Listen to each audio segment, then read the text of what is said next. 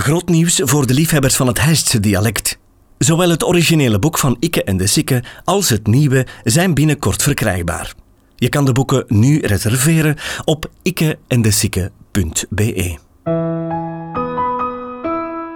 Dit vertelselke werd ingesproken door Eddy Keulemans. Ik ga gooien geberen.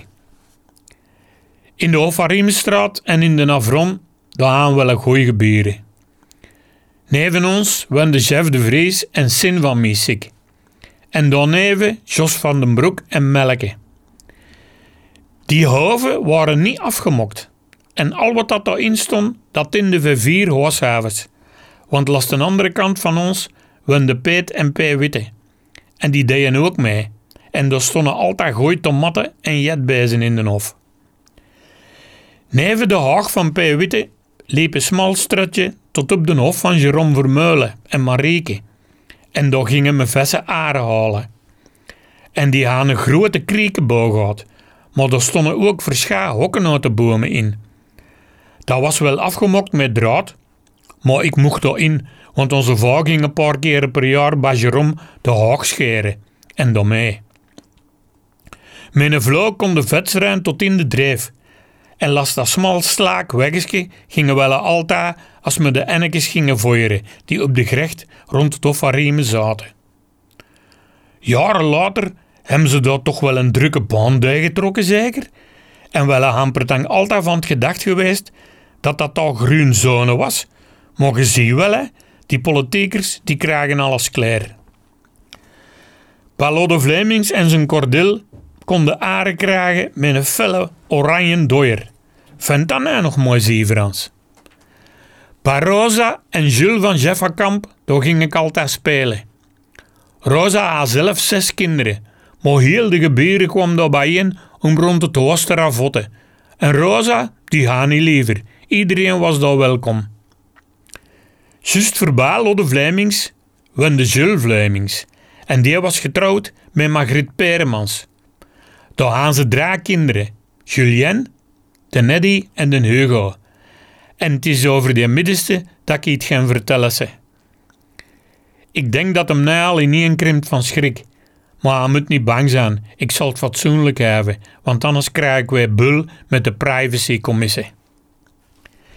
In december 56, als ik juist geboren was, kwam ons moe Margriet tegen in de straat en die zei: Aha, hergellen nou ook een Eddy?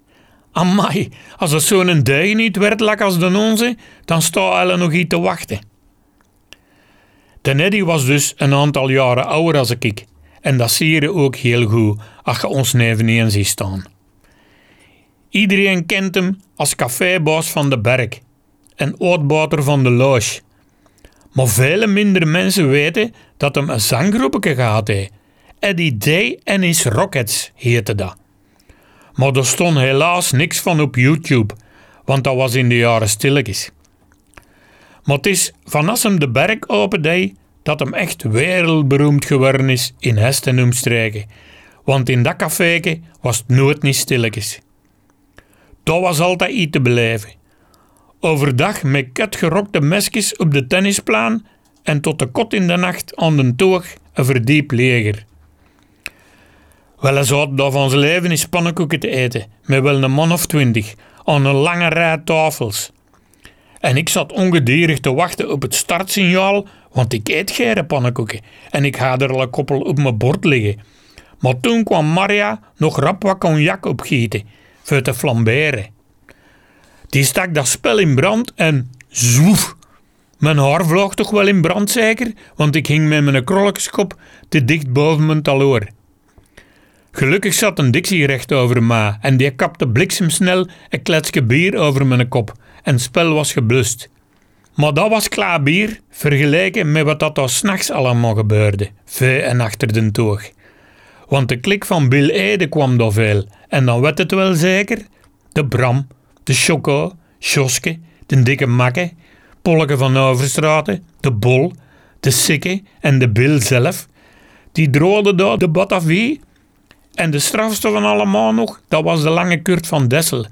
Die reed met vlo en al tot achter de toog En als hem onder de flessen sterke drank passeerde, die de onderste bovenkleer hingen, dan tapte het hem rap een borreltje rechtstreeks van de toot van de fles in zijn mond.